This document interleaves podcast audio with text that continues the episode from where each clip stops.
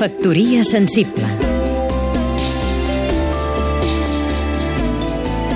Julià de Joda, escriptor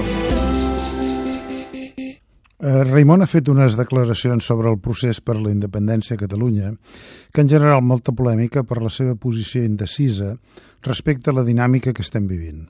D'una banda ha parlat com algú que ha fet la seva carrera al Principat, ja que la seva terra valenciana més aviat li han fet la vida impossible com a artista.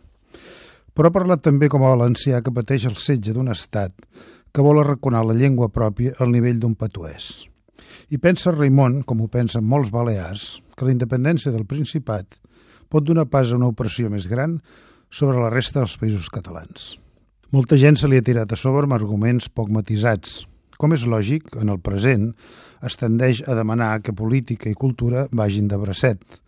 Però la feina de Raimon ha sigut la de lligar tradició cultural, llengua i lluita per la llibertat en un discurs poètic i musical d'altíssima exigència i gran abast popular.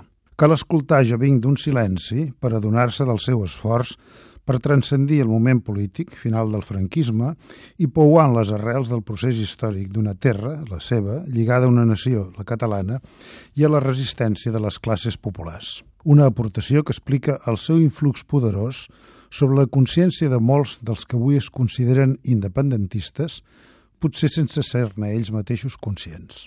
Recordem, jo vinc d'un silenci que romprà la gent que ara vol ser lliure. Factoria sensible Seguim-nos també a catradio.cat